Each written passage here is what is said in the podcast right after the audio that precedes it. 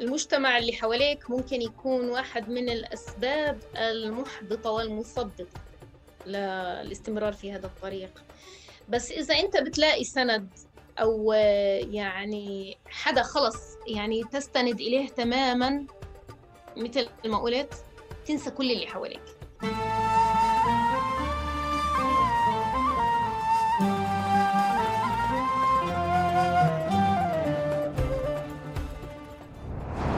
صباح الخير يا هنادي. صباح النور حياك المولى أهلا وسهلا. أول شيء أنت في القدس كم بنادوكي هنادي ولا إم كذا ام محمود ولا ولا إيش بالضبط؟ وإيش أحب اسم عليكي والله في لي مسميات كثيره بس ولكن أكثر اسم مشهورة فيه عالميا هنادي حلواني هنادي آه، الحلواني للاحتلال هنادي مكاوي حلواني لأنه بيعرفني الاحتلال باسم عائله زوجي وعائله آه، عائله والدي. طبعا إحنا في الهوية مسجلين باسم عائله الزوج وبالتالي هو لما بيناديني باسم عائله الزوج هو بيستغرب إنه من وين هذا الاسم؟ هنادي حلواني. وبيعرفش إنه اسم عائله والدي حلواني. وكمان اسم ثاني أنا اسمي أم محمود. آه، وللاحتلال لأول مرة اعتقلني فيه وحقق معي فيه سألني أم إيش انت؟ فأنا كنت بدي أتوه قلت له أم حسين. فأكثر من مرة كانوا ينادوني أم حسين. بس هم بيتمسخروا يعني عارفين إنه ما اسميش ام حسين اسمي ام محمود. فصاروا يقولوا لي أم محمود بالضم حتى. آه، يعني إحنا عندنا عندنا ثلاث أسماء أم محمود وأم حسين وهنادي. وهنادي حلواني مكاوي. وبعد هنادي في حلواني ومكاوي. كاوي حلواني حلواني من وين ومكاوي من وين؟ آه، عائلة زوجي مكاوي من نابلس. آه، يعني هي عائلة معروفة في نابلس ما فيش حدا في القدس إلا زوجي وإخوته اللي سكنوا هون. يعني والده أجى على القدس قبل 30 40 سنة واستقروا هون وتزوجوا من القدس. وعائلة والدي من دار الحلواني برضو بالقدس. يعني حتى الناس ممكن بيفكروا حلواني الخليل لا إحنا حلواني القدس في القدس. أصل العيلة يعني بيقولوا إنه من حلوان من مصر ولكن ما عمريش آه. عرفت حدا من دار الحلواني من مصر. أوكي. و- و- وليش ليش اسمك فعليا أنت ما زال معتمد هنادي الحلواني؟ آه. هلا أول شهاده قران حصلت عليها في المسجد الأقصى تكتب باسم عائلة الوالد وهو في الحقيقة أدعوهم لآبائهم هو أقسط عند الله. فضل اسم هنادي حلواني بشهاداتي شهادة التجويد ومن بعد هيك شهادة الجامعة ومن بعد هيك حساباتي على ال social media معروفة باسم هنادي حلواني. والاحتلال صار عنده هيك يعني شرط إنه مين هنادي حلواني مين هنادي مكاوي اللي عندنا يعني. فبعد إحدى المرات اللي اعتقلني فيها عرف إنه هنادي حلواني هي نفسها هنادي مكاوي اللي هم بيكونوا يلاحقوها. ولكن على ال social media مسمية بهذا الاسم لأنه حفظوا الآية ادعوهم لآبائهم هو أقسط عند الله. فرصة سعيدة يا يا هنادي وإحنا اعتمدنا هنادي الحلواني، أنا عجبني هنادي الحلواني. ومش أم حسين ولا أم حسين. أم محمود. أهلا. ولا ولا محمود أهلا وسهلا فيك وهيك. هنادي آه، ساعديني بشغلة زي ما حكيت لك آه، يعني قبل ما نبلش نسجل. تعال نجرب آه، نتعرف على هنادي بخارج الصور أو ما قبل ما ندخل بالجوانب السياسية وجانب الرباط اللي انشهرتي فيه وانعرفتي فيه. بس يعني بدنا نتعرف على جانب هنادي الحلواني باليوم يوم فعليا. هي هاتي أنت من غير ما أنا أسأل فعليا. ساعدينا نتعرف على على هنادي الهنادي هيك. تفضلي. آه، عشت وانولدت في منطقة وادي الجوز اللي حاليا أنا برضه ساكنة فيها يعني بعد ما تزوجت. تزوجت بجيل صغير جيل 17 ونص. آه، وبدأت دراسه الجامعة على طول بعد ما تزوجت وأنجبت أولادي على طول. يعني الوظائف كلها مع بعضها كانت. آه، تعلمت في الجامعة خلال أربع سنين تعليمي في الجامعة جبت محمود والاء ويوم تخريجي جبت أحمد تخريجي من الجامعة. بعد هيك يعني عكفت فترة في البيت لحد ما كبروا شوي. وحملت بحمزة. صار عندي أربعة ثلاث أولاد وبنت. بنتي الكبيرة آلاء. اليوم أنا بدرس أنا وياهم بالجامعة لأولادي. آه، بنتي الكبيرة بتدرس آه، في جامعة بير زيت وأنا بدرس معها في جامعة بير زيت بس أنا بخلص دراسات عليا وهي بتدرس بكالوريوس. وبرضه محمود بيدرس بجامعة بيت لحم اثنين سنة ثالثة. حمزة وأحمد 16 آه، سنة 13 سنة يعني واحد سنة الجاي توجيهي إن شاء الله.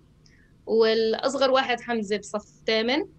آه، حمزة الصغير أصغر واحد يعني برضه كمان في فترة ما كنت حامل فيه كنت بتعلم في دار القرآن لأنه بيتي قريب من المسجد الأقصى كنت دايما أروح على المسجد الأقصى. من من وأنا صغيرة كنت دايما أروح مع ستي وفي يعني دعوة لستي يمكن بيعرفوها الناس لأني كثير حكيتها.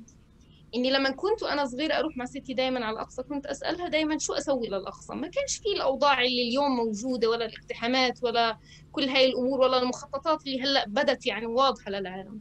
فكانت دائما ستي تقول لي نظف الأقصى. أنا أدركت بعد ما كبرت إيش قصدها في تنظيف الأقصى. تنظيف الأقصى مش بس من القمامة من الأشياء اللي اليوم صارت في مسجد الأقصى. وفي إحدى المرات وأنا بجيل سبع سنين أو ثمان سنين في في مغرب من أيام من إحدى الأيام كنت عم بغني أغنية سمعتني ستي وبكيت. وأنا كنت كثير مقربة من ستي يعني كنت أنام جنبها كنت أروح معها عند عماتي كنت آه، أسمع حواديت ستي حتى عن الحرب وعن كيف كانوا يعيشوا زمان. كنت أشوفها كثير بتصلي وأشوفها بالليل بتقوم بتصلي أشوفها على الفجر بتصلي أشوفها بتصوم أيام اثنين وخميس يعني أحاول أتعلم منها وحتى أصوم معها أيام اثنين وخميس مع إني كنت طفلة. يعني حتى أبوي يقول لي طيب ستك ست كبيرة أنت لسه طفلة جسمك يعني بينبنى. فكنت أتعلم من ستي.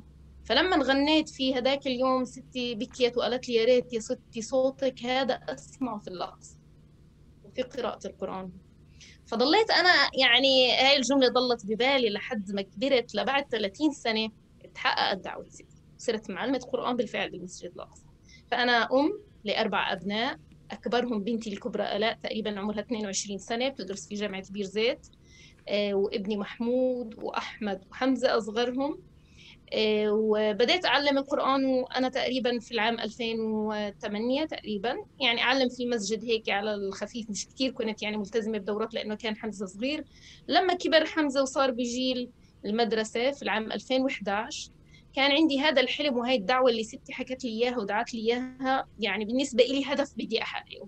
وكان بالنسبة لي الرباط في المسجد الأقصى هدف بدي أسعى له بس ما كنت أحب إني أحمل لحدا مسؤولية أولاد يعني إني أترك الأولاد عند حدا وأروح أو بيرافقوني أو إنه يعني أتفرغ تماما بعد ما يدخلوا على المدرسة. فلما حمزة راح على المدرسة أصغر ولد قررت إني أروح على المسجد الأقصى وأرابط فيه.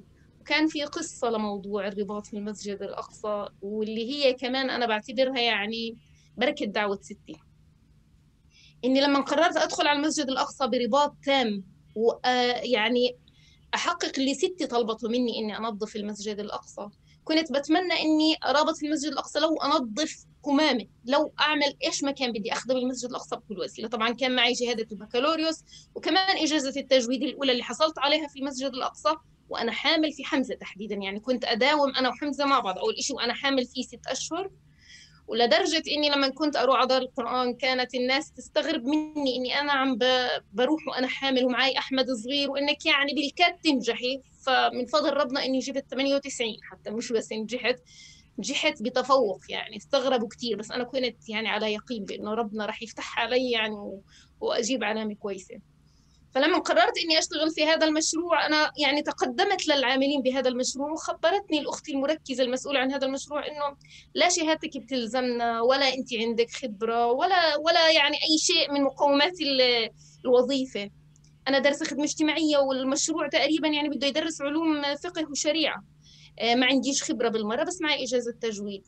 فكان في مقابلة مع المسؤول وترجيت المسؤولة المركزة من القدس إنه لا يجي المسؤول من الداخل الفلسطيني تخبرني. فهي ما خبرتني يمكن نسيت يمكن لأنه اعتبرت إنه شهاداتي ما بتلزمش في هذا المشروع خاصة إنه قالت لي في سبعة متقدمين والمتقدمين معظمهم بيحملوا شهادات الماجستير في العلوم في التفسير في علوم القرآن وما إلى ذلك. فبالصدفة عرفت من صديقة اللي كانت مقدمة في هذا المشروع كطالبة إنه اليوم رح يكون في مقابلة مع العاملين أو مع طلاب العلم وطالبات العلم اللي بدهم يتقدموا لهذا المشروع. فرحت هيك لحالي فرضت حالي على المشروع أو على الاجتماع. وأنا سريعة يعني هذا الإشي كان في 2011 سريعة الحركة. فبدأت أساعد المسؤولة وأنظم معها لأنه كان عدد اللي جايين كتار يعني تقريبا خمسين وحدة وكان صعب عليها إنها تسجل الأسماء وتنظم وتنقل أرقام الهويات وهيك. فأنا بسرعة بسرعة بسرعة هيك عملت لها الأشياء ورتبت لها ونظمت لها وكل وحدة أدخلها على الدور. انتبهت علي بس برضه مش مقتنعة فيه يعني إنه أنت يعني خدمة اجتماعية وأسرية ما راح تلزمينا في الأقصى في التعليم. انتبه علي المسؤول اللي هو مدير المشروع أو المؤسسة. فسأل مين هاي؟ حكت له هاي وحدة جايبه جاي وجايبة شهاداتها وقلت لها إنه ما في داعي يعني إنه إلك يعني في عندنا موظفات كفاية وحابة تعمل مقابلة يعني. فقال لها طيب خليها تيجي. بديت أعرف عن نفسي وكنت سمعت تعريف كل الموظفات اللي قبل. فلانه زوجة الدكتور فلان زوجة الشهيد فلان أخت الشهيد فلان. يعني كل واحدة عندها ما شاء الله تاريخ.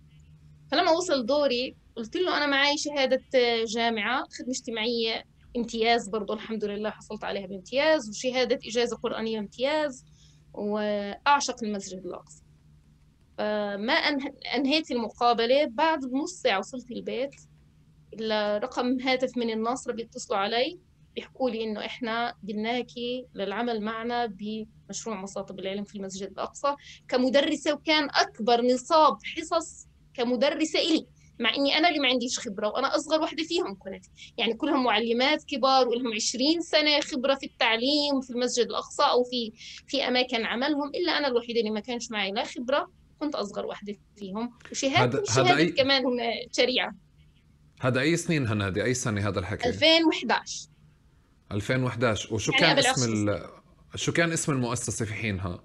إيه، مؤسسة عمارة الأقصى. مؤسسة عمارة الأقصى. اللي هي كانت مسؤولة عن مشروع مصاطب العلم اللي عرفتونا وعرفنا العالم كله من خلاله باسم مرابطات آه هون هون أنا أنا قاعد بسأل أصلا عشان ندخل ندخل على القصة هاي. قبل ما ندخل على المرابطات والمؤسسة أظن أنت لأنه نشأتك في الأقصى وقريبة من الأقصى فكان يعني اللي بنعرفه إنه تاريخيا كان هنالك آآ آآ يمكن اعتداءات بس مش بالحجم اللي موجود اليوم على الأقصى. كانت فعليا إذا بيطلع في خبر يعني إنه في مجموعة مستوطنين قربوا أو جربوا يدخلوا بتقوم الدنيا فعليا. يعني وقيل إنه تاريخيا أصلا كان كان الحكي ما بمر ب ما بكون حدث عابر مجرد دخول الأقصى. الآن تراجع خليني أحكي تراجع حالة ال ال تراجعت حالة المقاومة خليني أحكي وصار المستوطنين أكثر بدعم أكبر بحضور أكثر بقوة أكثر وبوقاحة أكثر. وبنفس الوقت صار في مأسسة لعمل مقاوم داخل الأقصى من خلال مصاطب العلم ومؤسسة عمارة الأقصى ومؤسسات أخرى في حينها واللي هو بعدين أخذ طابع المرابطي المرابطين أو المرابطات أو المرابطون في الأقصى واللي الناس فعليا عرفتهم فيها. ما قبلها نادي ما قبل المرابطين هلا رح ندخلها. بس ما قبلها كيف كان شكل صمود وشكل مقاومة أهل القدس باليوم يوم لاعتداءات اعتداءات المستوطنين وكيف كان شكل حمايتهم ودفاعهم عن الأقصى؟ هلا إحنا بنحكي عن المشروع إنه كان في 2011 قبل هيك كان الاقتحامات على المسجد الأقصى أقل وتيرة أكيد. كانت الاقتحامات بتتم بالتدريج. كان الاحتلال بيحاول يخدر الناس على فكرة قبول دخول مستوطنين للمسجد الأقصى يعني أنه يدخل مستوطنين على المسجد الأقصى. فكانت الاقتحامات قليلة أكثر أقل كثير يعني.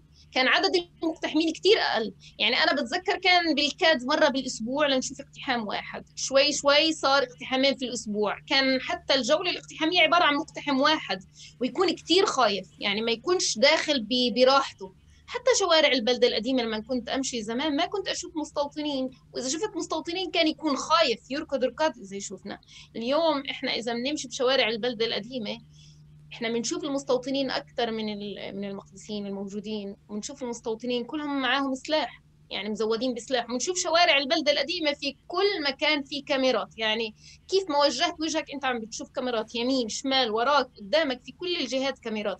فالاقتحامات على المسجد الأقصى قبل ال 2010 كانت كثير أقل ولكن في كان مخطط لتخدير المسلمين وتخدير المقدسيين بأن نتقبل وجود المستوطنين فهذا المشروع لما بدأ كانت فكرته هي فكرة الشيخ رائد صلاح اللي من هون أنا بوجه له تحية وهو في سجنه كان من أحد أسباب. سجنه هو طبعاً. هذا المشروع لأنه لما نفكر بفكرة إنه يعمل هذا المشروع كان المسجد الأقصى قبل 2011 عبارة عن ساحات كأنها ساحات يعني ساحات بلدية عامة. بتشوف الناس عمالهم عم بيجوا السياح من باب المغاربة مستوطنين.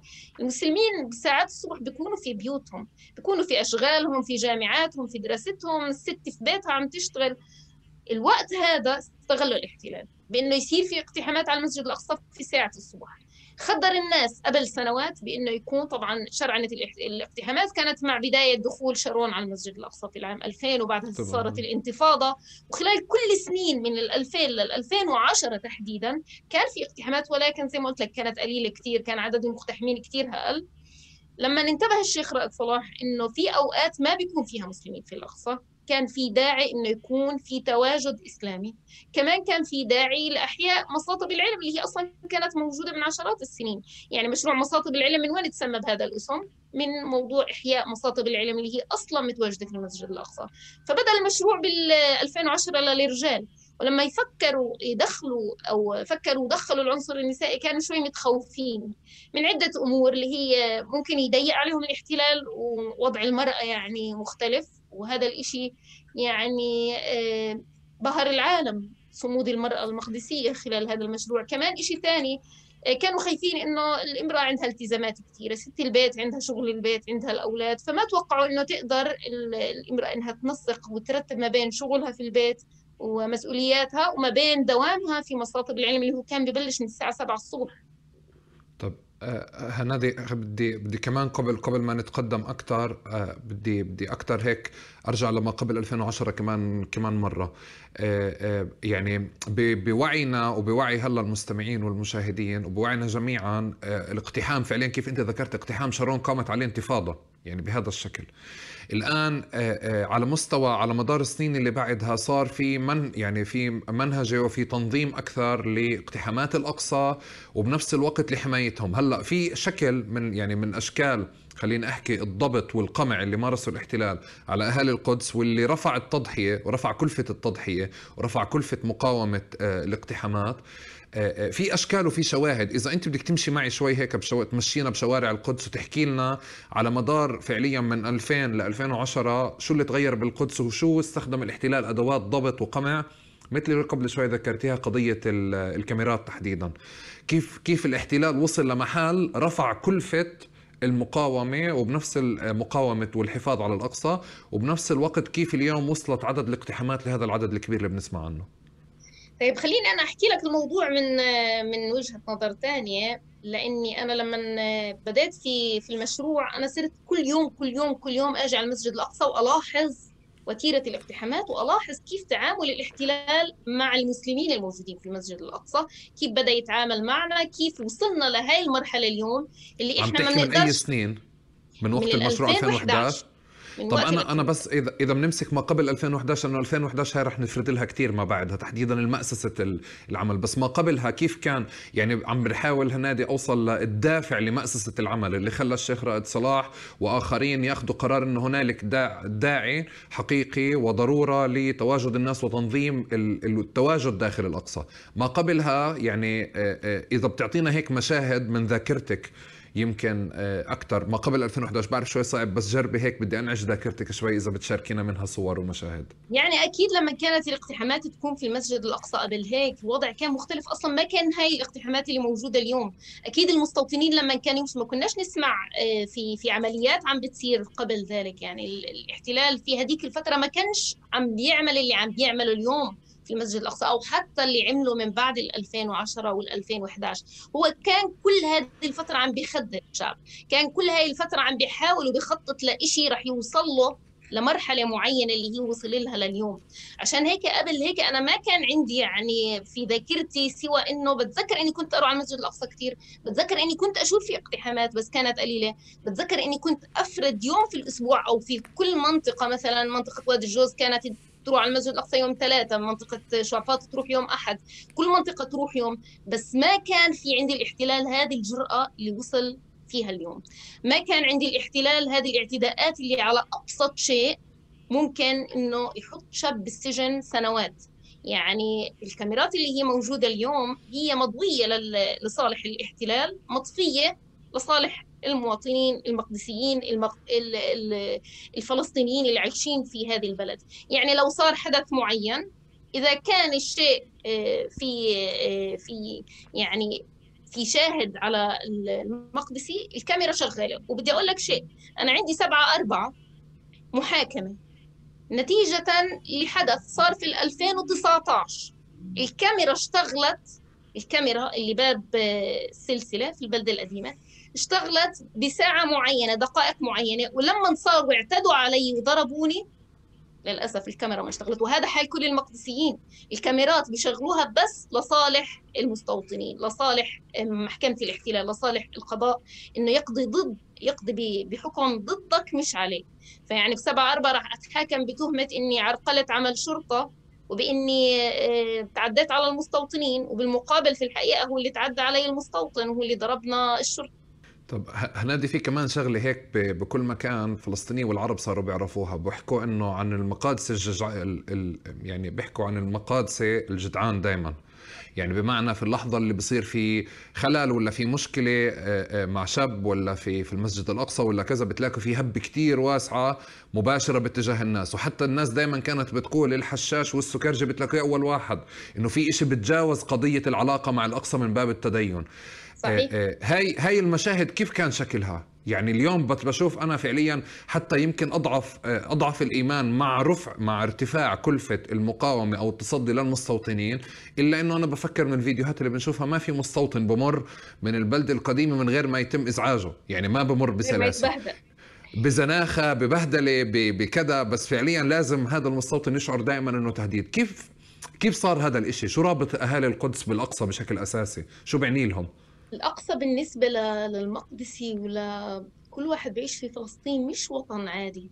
مش وطننا إحنا بس الفلسطينيين إحنا بنحس بالمسؤولية. إني أنا موجودة في القدس نيابة عن كل النساء في العالم والمقدسي اللي بيعيش في القدس ما بحس إنه هذا مجرد مسجد عادي ولا بحس إنه القدس هي وطن ولا حاله بحس حاله إنه هو مسؤول عن كل أمة محمد.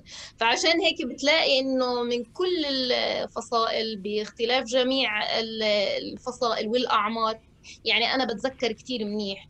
في هبة باب الإصباط. لما كنت رابط على أبواب المسجد الأقصى لما الاحتلال بدأ فكرة إنه يعمل بوابات إلكترونية كنت أشوف ناس عمري ما شفتهم داخل المسجد الأقصى. عمري ما شفتهم رابطين داخل المسجد الأقصى. ولكن أشكالهم غريبة حلقات شعرهم غريبة لبسهم غريب. والأغرب من هيك إنه لما يصير موعد الصلاة بيعرفش القبلة من وين. هذا دليل على إنه بيصليش يعني أنا بتذكر مرة سمعت شباب عم بيحكوا وقت الصلاة بيقول له أنا معيش وضو يعني أنا بعرفش طب كيف القبلة طب معيش وضو. فبيحكي له الشاب خلص أنت بتكتر سواد المسلمين تعال وقف حتى بدون وضوء إنه ما فيش مجال أصلا يتوضا من كثره اعداد الناس. هذا إذا دل على شيء بدلنا على إنه قضية القدس والمسجد الأقصى تجمع كل المقدسيين على اختلاف فصائلهم على اختلاف أشكالهم على اختلاف انتماءاتهم توجهاتهم. لما صار في حدث بيستدعي أنه يكون المقدسيين كلهم موجودين بنلاقيهم كلهم. نفس الشيء على أي حدث بسيط مرور مستوطنين صارت مقتلة جندي حاول آه، أنه يعتدي على على مرأة أو يطلب منها أنها طول هويتها أو أنه يعني يتحرش فيها بأي طريقة. بتلاقي الشباب المقدسي كلهم وياما في شباب اليوم في السجن بس بسبب إنهم دخلوا بطوش مع شرطة الاحتلال بسبب إنه مسك ولد صغير أو حكى مع مراه أو حكى مع حتى رجال كبير أو حتى مع شاب آه يمكن يمكن تعرفي طبيعة المعركة في القدس من كيف بعرفها من أصحاب. ومن من القصص اللي بنسمعها الموضوع مش فعليا قرار إنه أنا بدي أدافع عن الوطن في مشكلة شخصية صارت يعني بمعنى إنه مش مشكلة بس على مستوى الدفاع عن الدين ولا الدفاع عن وطن. باليوم يوم في مشكلة شخصية ليه بتمد إيدك على الولد؟ ليه بتقرب هون؟ ترفعش صوتك؟ يعني حتى مشاهد التحدي فعليا اللي موجودة يعني آه، آه، هاي مش مشاهد اللي هو في واحد اللي هي الهيبة ولا الهالة ولا إنه زي مثل خليني أحكي مرور الناس على الحواجز في الضفة. في إشي باليوم يوم بظن بنقلب عكس كيف الاحتلال بده إنه الاحتلال بده الناس هذه تخضع أكثر بس اللي قاعدين بنشوفه سنة بعد سنة يعني هو العكس. العكس تماما. و... وأنت قاعد بتحكي إحنا حكينا على شارون إنه لما دخل كيف صار فعليا قامت الدنيا بانتفاضة وقت حتى هبه أبو خضير إنه الاعتداء على طفل صغير في القدس ما مر هو فعليا قامت الدنيا فلسطين كلها قامت وقتها. من وراء فعليا كيف آه كيف تم نهوض و... تفضل. حتى في انتفاضة السكاكين لو شفت أشكال الشباب اللي استشهدوا. يعني أنا طلعت على عدة مؤتمرات في السنوات الأخيرة كانوا يسألوني دايما يعني إحنا بنشوف صورة الشباب المقدسي شكله البراني يعني مش ملتزم. طيب كيف هذا الشاب عمل عملية؟ اللي قلت لهم لأنه هودوا الشكل ولكن ما هودوا القلب. ما هو ذو الحب لهذه المدينة؟ ما هو ذو أنه آه، المسجد الأقصى بالنسبة لنا عقيدة؟ فعشان هيك لما بتشوف شكل شاب بحلقة شعره بطريقة لبسه بفكرونا إنه يعني آه، إذا كانت أشكالنا هيك إن إحنا لا مش منتميين للقضية لا مش عارفين إنه أكثر الناس أو معظم الشباب اللي عمل آه، عمليات في فترة انتفاضة السكاكين أنت تطلع على صورهم تعرف أنت من وين هم من جايين. طيب هنادي المرابطات هلأ. عرفنا عرفنا السياق اللي إجوا فيهم خلينا نحكي هيك والوضع العام. آه، قديش كان عددهم لما بلشوا؟ بما إنه أنت كنت من الجيل الأول. أنا مش من الجيل الأول بس أنا شهدت ولادة هذا المشروع تماما حتى نهايته. ليت بالعمل فيه كمعلمة وبعد سنة صرت مركزة لهذا المشروع. مركزة بمعنى يعني آه، بنفذ الأعمال في الميدان كلها يعني. بما معناه يعني مسؤولة عن المشروع في الميدان عن تنفيذ أعمال المشروع في الميدان. فهذا المشروع يعني بدأ في العام 2011 للنساء للعنصر النسائي. كان عدد النساء فيه 50 امرأة اللي هو أنا قابلتهم لما أنا قابلت المدير يعني. آه، في نهاية عام 2015 بعد ما حضروا الاحتلال كان عدد المرابطات فيه 650 مرابط.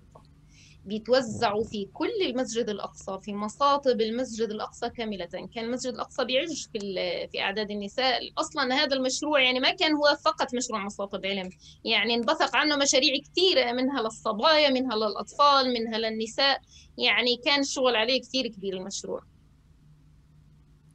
يعني الأم اللي معها أولادها كنا نستغل وجود أولادها. بأن نعمل لهم مخيمات صيفية فترة الصيف عشان ما تقول ما بقدر أجي عشان معي أولادي. فعملنا لهم مخيم لحال. والصبايا اللي كانوا يشتغلوا أو اللي كانوا طالبات معي في هذا المشروع أعطيناهم دورات كيف يتعاملوا مع الأطفال وكيف عملنا لهم ورشات عمل عشان يتعاملوا مع الأطفال في فترة المخيم الصيفي يعني استغلينا الكوادر الشبابية اللي عندنا. آه، الستات اللي عندهم قدرة على إنهم يتعلموا علمناهم معالم المسجد الأقصى. فصار أي ضيف يجي من برا نخليهم يشرحوا له عن معالم المسجد الأقصى. فصار هيك يعني في تفاعل كتير كبير في المشروع. العدد اللي 650 هذا بس العدد الأصلي غير أولادهم والناس اللي كانوا يجيبوها. طب من 50 ل 650 خلال كم صار العدد من 2011 ل 2015 من 2011 لل 2015 ومن 50 ل 650 كانت هدول النساء المقدسيات ولا كان في كمان جزء اعتماد منه على على مناطق ال 48 آه، في الحقيقة في الأول 50 معظمهم من أهل البلدة القديمة بس آه، لما وصلنا عام 2015 كان معانا مش بس من الشمال الفلسطيني ومن الجنوب من بير سبع من النقب من رهط من اللقية من يعني أنا صرت أحفظ حتى أسماء آه، من الداخل الفلسطيني من عرابة البطوف من الناصرة من كثير أماكن كانوا يجوا من كابول من كفر كنا من كفر قاسم. يعني كان معنا بالمشروع يعني تقريبا أكثر من 25% من النساء من أهل الداخل الفلسطيني. الفلسطيني وأنا بحكي هذا الإشي كان تحدي كبير بالنسبة لهم. لأني إذا أنا ساكنة في القدس في وادي الجوز كانت تحتاج مني طريق مثلا عشر دقائق مشي. اللي ساكنة في ضواحي القدس كانت تحتاج منها الطريق مثلا نص ساعة أو ساعة بالباص ولحد ما توصل للمسجد الأقصى. اللي ساكنة في عرابة البطوف بدها ثلاث ساعات بالباصات. كانوا يجوا بالحافلات من بيوتهم قبل صلاة الفجر. ويوصلوا قبل على المسجد الأقصى. قبل الساعة 7 أكون لقيتهم في المسجد الأقصى. يعني أستغرب إنه قديش ربنا معطيهم طاقة إنه يوصلوا قبلنا إحنا أهل القدس. ويروحوا بعد الساعة 3 طب إمتى روحوا؟ إمتى وصلوا البيت إذا بتحتاج الطريق منهم ثلاث ساعات؟ إمتى ارتاحوا عشان يستعيدوا نشاطهم لتاني يوم ويوصلوا؟ كمان مرة من جديد قبلنا هنادي قديش كانت نسبتهم من المرابطين؟ إيه تقريبا. حكيت لك تقريبا 25% من أهل الداخل الفلسطيني للنساء. الرجال ممكن يكون أكبر. لا عم بقصد مجموع المرابطات في في في خليني أحكي ب 2015 لما كانوا 650 إذا بدنا نعمل نسبة وتناسب آه، ما بين ما بين المرابطين والمرابطات؟ المرابطين والمرابطات قد بعض كان عددهم. 50% تقريبا 50%. للصدفة يعني إنه آه، بآخر مراحل قبل ما يعني تحضر المؤسسة آه، كان عددنا بحدود 1200 ل 1250 مرابط ومرابط. وكان عدد يعني فعليا أكثر بتحكي أنت على الصبايا أنا بحكي هدول اللي يعني كانوا يعني مسجلين رسميين كطلاب وطالبات مصاطب علم. طبعا هم كانوا يعني بيتعلموا في نفس الوقت كمان بيتصدوا بيتحدوا للاحتلال يعني. يعني لو بتسألني على جانب مفهوم. التعليم راح تنبسط كثير للمراحل اللي وصلوا لها يعني. طب عندي عندي سؤال. انت ما بين يعني آه، على فكرة هي معلومة مفاجأة شوي يعني بظن مهمة اللي هو قضية إنه عدد النساء في من يعني عدد المرابطات 50% وأكثر لأنه بتقولي لي 1200 1200 أو 1250 يعني ممكن تكون 50% أو 50% وشوي يعني كان من من مجموع المرابطين. وبظن كمان يمكن حتى على الأثر من خلال أنت شو بتحكي. إنه النساء كانت تيجي وبتجيب أولادها معها وتجيب بناتها معها وبتجيب يعني جزء من عيلتها معها بس الزلمة بالعادة بيجوا يعني يعني بيجي يعني بالأغلب بيجي لحاله. ففعليا في أثر أكبر. خليني أسألك سؤال. المرابطات بشو تميزوا عن المرابطين؟ على مستوى باليوم يوم وفي المواجهة. هلأ يمكن لو كنت تشوف الفيديوهات كنت تحس إنه المرابطات في الأول يعني النساء في الأول ودائما كانوا يتساءلوا وين الرجال؟ لا هم الرجال موجودين حقيقة وبالعكس هم الرجال كانوا في السجون في منهم. يعني إحنا ما انحبسنا لفترة طويلة إحنا انحبسنا فترة تحقيقات أسبوعين 10 أيام 12 يوم أكثر حدا فينا يعني انحبس لحد 20 يوم 21 يوم. بس الرجال الاحتلال كان كان بيتعامل معنا شوية بتحفظ. بعدين لما لقى إنه إحنا لا لنا أثر كبير وصرنا مش بس على مستوى الرباط في الأقصى ولا حتى الرباط على أبواب المسجد الأقصى صرنا صار رباطنا وصل عالميا. صرنا نوصل رسالة عالمية صرنا النادي الإعلام يجي يفضح جرائم الاحتلال بل وصرنا كمان إحنا نسافر على البلدان اللي برا عشان نوصل رسالة القدس وعشان نحكي عن معاناة المقدسيين نكشف جرائم الاحتلال حتى عالميا. يعني أنا صرت أشترك مؤتمرات خارج البلاد في تركيا في أندونيسيا في الأردن في البحرين في الكويت. وهون الاحتلال قال لك لا ما بينفعش تعملها زي الرجال. ما تعملها معاملة مختلفة. لازم تعملها زي الرجال. لا وأكثر عشان تربي غيرها فيها. طب انت انت انت من كيف تحكي عم بتقولي لي إنه الدور دور المرابطات برز لتعويض دور آه، آه، المرابطين أو تراجعهم أو أو أو القمع أو الاعتقال اللي صار عليهم؟ يعني بمعنى بعد آه، بعد بعد بعد ما تم اعتقال مجموعة وعدد وقمع مجموعة من الأسماء من المرابطين كانت فعليا هون ظهر المرابطات أو دور المرابطات أكثر بهذا الشكل عم تحكي؟ طيب أنا بدي أحكي سر يعني هو شو السبب إنه الاحتلال أكثر شدد على المرابطات؟ في الحقيقة المرابطة بتقدر تتخفى بعدة أشكال. يعني لما كنا نتصدى للاقتحامات كان الاحتلال في البداية يحاول يصورنا بأشكالنا. فلما أجي أطلع من الأقصى يقول فلان اللي لابسه جلباب مثلا خمري اللي لابسه حجاب ظهري اللي لابسه كذا. صار يميزنا من حجاباتنا. صرنا إحنا ننتبه. فخيطنا لباس كلنا زي بعض اللي هو لباس لباس صلاة. كلنا زي بعض. فصار ما يميزش كثير كلنا لابسين زي بعض نفس اللون. كلنا أسود لابسين.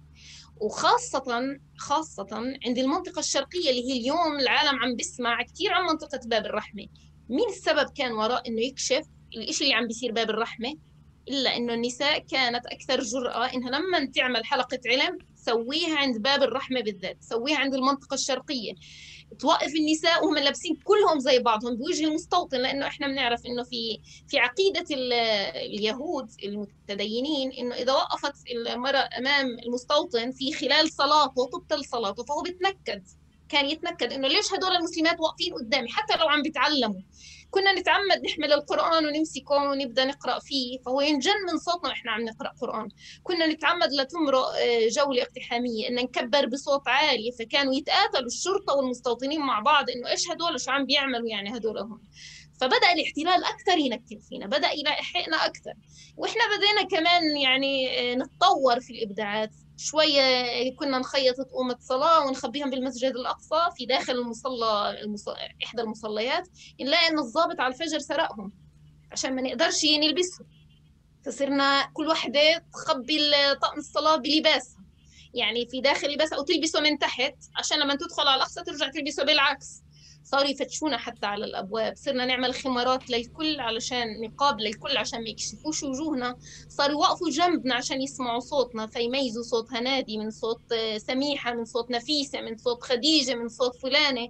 يعني الاحتلال تدرج شوي شوي معنا لما نوصل بال 2015 إنه طفح الكيل فيش مجال غير إنه يطلع كل المشروع عن القانون اللي هو كان قانوني في بدايته وكمان يحضر كل الحركة الإسلامية اللي كانت راعية لهذا المشروع.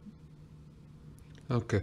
ما قبلها ما قبلها رجعيني معلش مرة ثانية آه، آه، بسياق مختلف لقضية اللي هو تراجع المرابطين أو آه، تمكن الاحتلال من المرابطين وبعدين ظهور المرابطات أكثر لما بنحكي عن المرابطين وبنحكي عن المرابطات كانوا فعليا بيتبعوا لنفس القيادة أو نفس المسؤولين أو نفس التوجهات ولا كان في قيادة نسوية أو قيادة نسائية خاصة في المرابطات؟ أنا كنت أقود المرابطات. أنا كنت أقود المرابطات وكانوا من أكثر استجابة بحس. يمكن أكثر جرأة لأنه ما كانش يوقع عليهم عقوبات زي هذا اعتراف هنادي. هذا ما هو خلص يعني مرقت السنين. ويعني أخذت عقوبتي أنا ذاك في ذاك الوقت يعني. ويعني بطل في مشروع أصلا عشان يحاسبني الاحتلال عليه ولكن كان عارف عارف تماما. يعني كانوا يتخفوا على شكل سياح. وفجأة يجوا يكشفوا عن هويتهم قدامي ويقولوا لي إن إحنا بنعرف عنك يعني بنعرفك يا إم محمود مش إم حسين. ويعني في الاعتقالات اللي اعتقلتها يعني كانوا يحكوا لي هذا الشيء إنك أنت رئيسة المرابطات واللي بتسيريهم بتوجهيهم تعطيهم أوامر بتنظمي هذا هذا الترتيب وهذا هذا التصدي اللي كان يصير مع الأخوات في المسجد الأقصى. فعشان هيك يمكن كان النساء أكثر جرأة.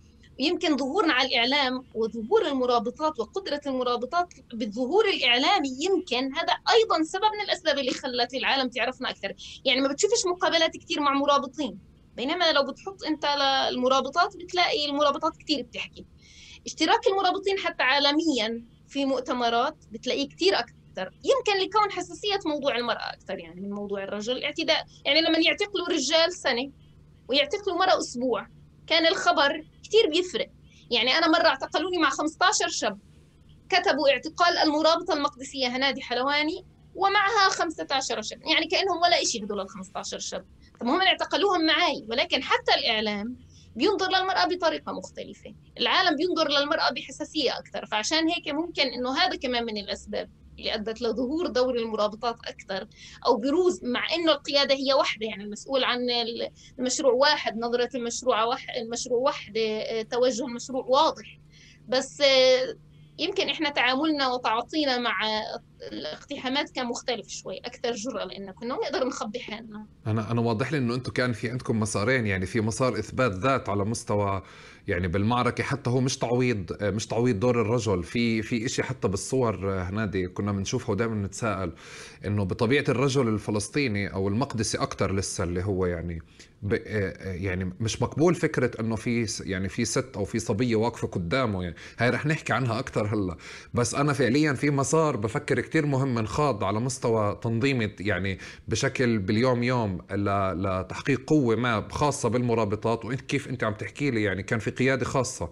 يعني هذا عكس ما كان يقال انه إنه إنه المرابطات فعليا حتى قيادتهم بالنقاشات النسوية خلينا نحكي أو نقاشات المرأة إنه آه، قيادتهم بتكون حتى من قيادة المرابطين أو أو كذا. وفي مسار ثاني اللي هو مسار إثبات يعني شيء باليوم يوم يعني بظن هاي معركة بينكم وبين الرجال هلأ رح نفرد لها. 2015 هنادي شو سوى الاحتلال فيكم؟ يعني 2015 آه، في الحقيقة هو كان كل هذيك الفترة يحاول إنه يعني يتدرج شوي شوي معنا. فكرة إنه تعتقل المرأة هذه كانت موضوع مش سهل. في الحقيقة في البداية ما كانش موضوع سهل يعني لما كانوا يعتقلوا واحدة من النساء كان أهلها يتصلوا أخوها يتصل زوجها يتصل مش الكل كان يتقبل هاي الفكرة. الاحتلال كان كثير مكيف على هذا الموضوع لأنه يعني إنه زوجتك في مركز الشرطة وفي الإشلة وتعال خذ زوجتك. شوي شوي النساء اللي ثبتت حقيقي واللي قدرت إنها يعني ضلها صامدة خلال هذه الفترة خلت الاحتلال يغير من طريقة عقوبته لنا كان في البداية يعتقلنا ساعتين ثلاثة ويطلعنا. بعدين صار يعتقلنا ساعات أطول. بعدين صار يعتقلنا ليلة ويوم. يعني يحطنا ليلة في السجن وبعدها يوم.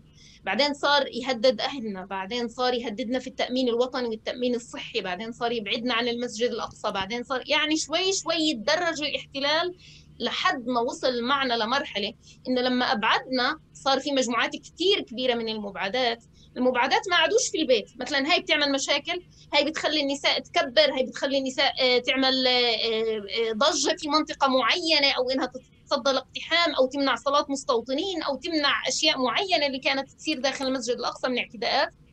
الاحتلال بدأ شوي شوي معنا وصل لمرحلة إنه لا خلص المبعدات اللي أبعدنا فكرنا نطلع برا الأقصى وانتهى الموضوع لأنه رسالتنا برا الأقصى صارت أقصى أقوى جدا صارت رسالة عالمية. عملنا لباس خاص وكتبنا عليه باللغة الإنجليزية أنا مبعد عن المسجد الأقصى وعملنا بوستر كبير وكتبنا على أوراق كنا نوزعها على السياح وهم طالعين من باب السلسلة لأنه الباب اللي بيطلع منه المستوطنين والسياح وحاطين بوستر كبير بالشارع مكتوب عليه أنا مبعد عن المسجد الأقصى. إذا بدك تعرف ليش اسألني. فيجوا الأجانب يسألونا ليش أنتم مبعدين عن المسجد الأقصى؟ كنت أتواصل مع الإعلام عشان يجي يغطي أخبار الإبعادات ويشوف إنه في نساء مبعدات عن المسجد الأقصى. فإحنا هون بدينا نكشف الاحتلال. الاحتلال شاف إنه المبعدات على أبواب المسجد الأقصى مش أقل خطر من جوا لأنه جوا كان يشغل يشغل ورانا شرطة ومخابرات يلحقونا صار يشغل برا الأقصى على أبواب جوا الأقصى وعلى محيط البلدة القديمة. صار مش قادر علينا صار شغله كثير مضاعف أكثر لما يطلع المستوطنين من باب السلسلة كنا نفس ما نعمل جوا الأقصى نعمل على أبواب الأقصى. فيصير في اشتباكات بيننا وبين المستوطنين وتصير الشرطة بدها تحل الاشتباكات وتصير بدها تعتقل من منا النساء ويصير يعني شغل مضاعف أكبر. فقرروا إنهم إيش؟ يلغوا هذا المشروع لأنه يعني أنت بتنظيم تنظيم آه، آه، معين أو بمؤسسة معينة في وجود وتواجد إلزامي في هذه المؤسسة. ففكر إنه هو إذا خلص هذا المشروع والغاه نهائي راح يتفرق الجمع وتنتهي هذه ينتهي هذا الرباط وتنتهي هذه المصاطب وينتهي الرباط اللي على الأبواب وتنتهي كل هذه الأمور. ولكن هو ما عرفش إنه هو عمل الاشي اللي خلى رسالة القدس وخلى آه، توصيل رسالة القدس عالمية أكثر. حتى حتى على الرغم من إنه فيش مرابطين كثير اليوم بالمسجد الأقصى.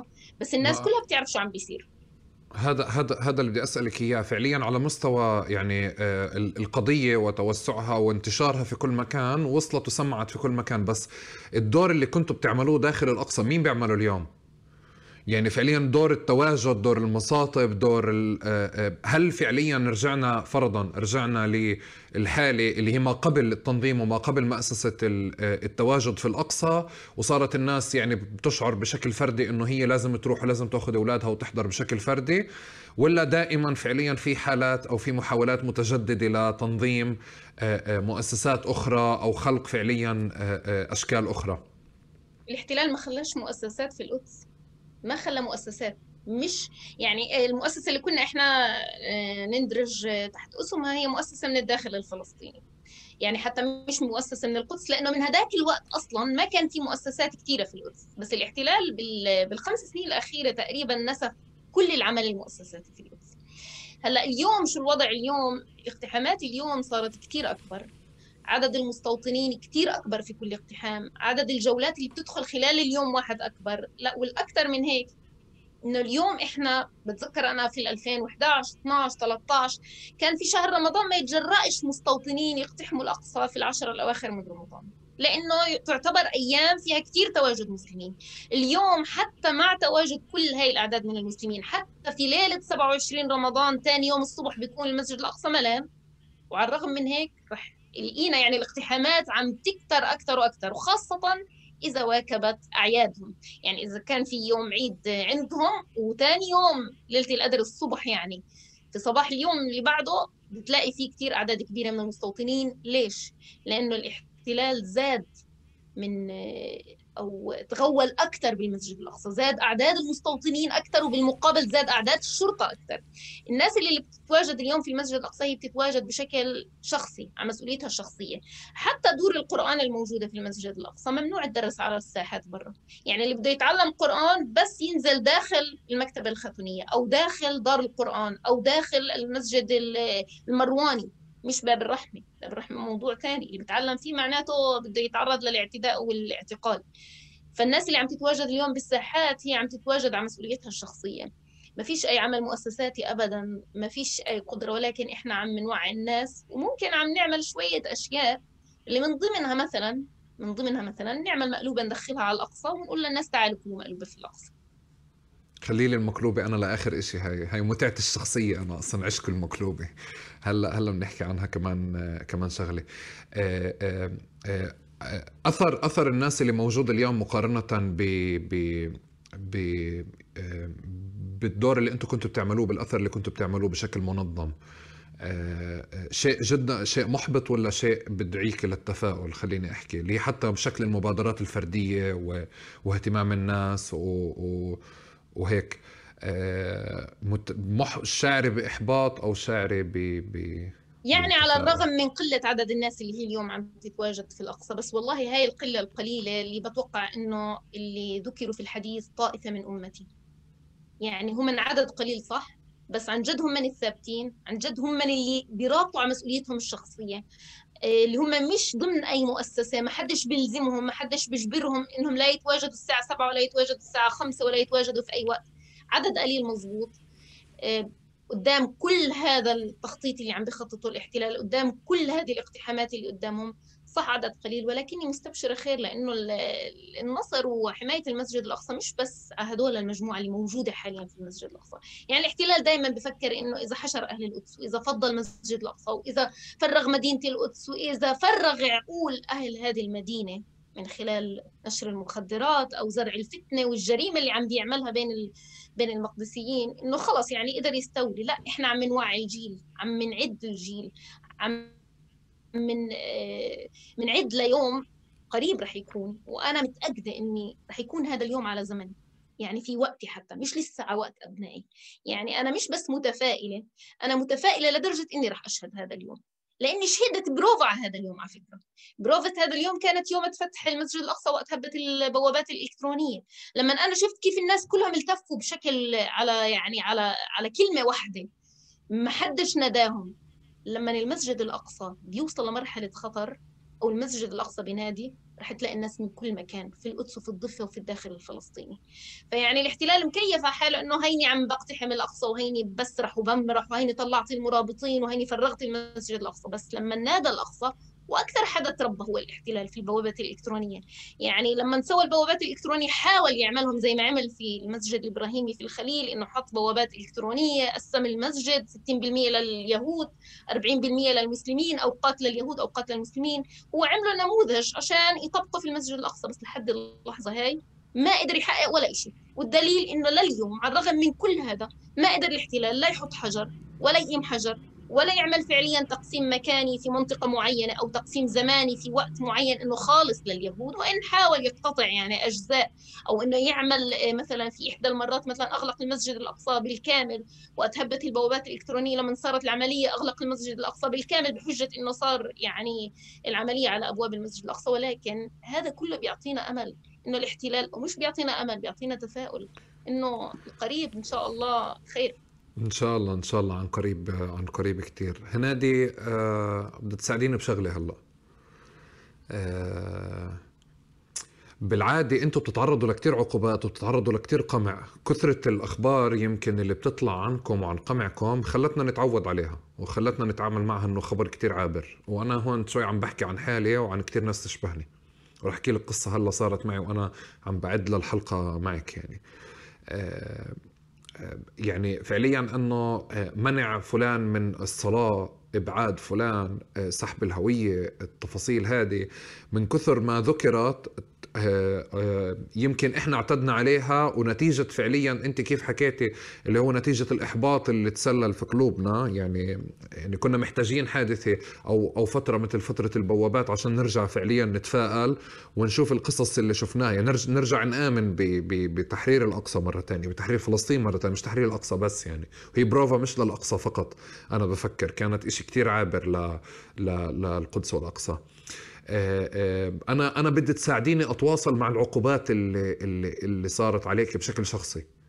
وساعديني كثير لأنه بس خليني هيك يعني ساعديني قد إيه كان الإشي مؤلم قد إيه قد إيه كان الإشي آه، حقيقي أثر قد إيه منع فعليا. وعرفيني على أشياء بتشبه إنه وأنا قاعد بدور هنادي فصديقة بتقول لي إنه اسأل هنادي عن شو يعني الإبعاد عن الأقصى.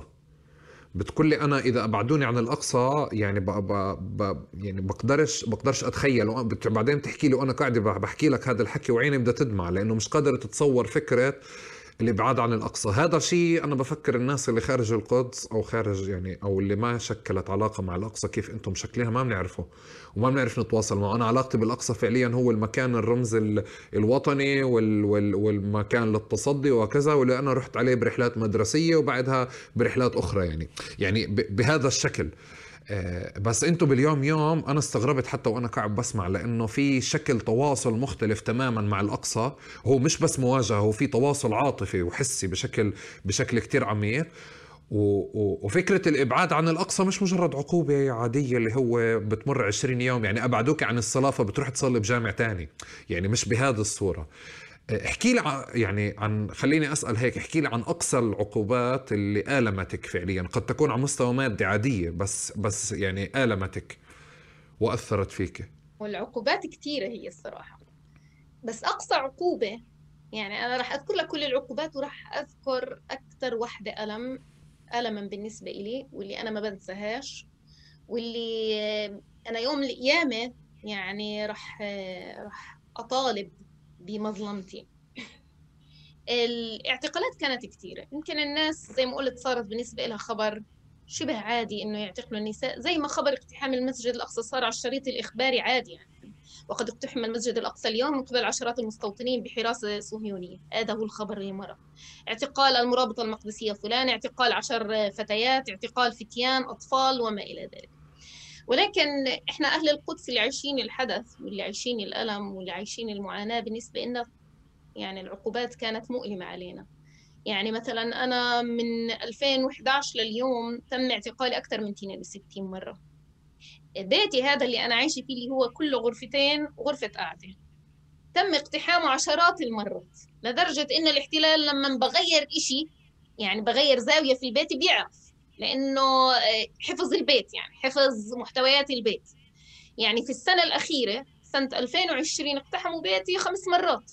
خمس مرات خلال السنة. يعني أنا آه، صح بطلت أعزل صيفي وشتوي زي ما النساء بتعزل بالصيف والشتاء لأني صرت أحس التعزيل هذا يعني بيجي هيك من الله لحاله. يعني بيجي الشرطة بكسر البيت بخلع البيت وبيروحوا أو بياخذوني يعني بيعتقلوني معهم يعني. فصار موضوع تعزيل البيت بالنسبة إلي يعني أو اقتحام البيت. يمكن لأني أنا بظهر كمان إنه أنا مش يعني مش مكترثة كثير في اقتحام البيت لأني رتبت البيت ورجعته ثاني يوم زي ما كان ورجعت على رباطي ورجعت على الأبواب ورجعت بحياتي العادية. ما ما هزني هذا الموضوع كثير اعتقال 62 مرة ثمان أو تسع مرات انحطيت في السجن فيها. منعوا عني العلاج أنا وزوجي وأبنائي لمدة سنة ونص. تخيل إنك أنت ابنك مثلا إحدى المرات يعني ابني انفتح راسه في المدرسة جبينه بدي أطب له راسه مش عارفة بأنه مستشفى لأنه كل المستشفيات تبع لكوبات حليب اللي هو صندوق المرضى الإسرائيلي اللي إحنا مجبورين نكون يعني بنتعالج فيه عشان نحافظ على الهوية المقدسية. منعوني من السفر ثلاث سنين ورا بعض.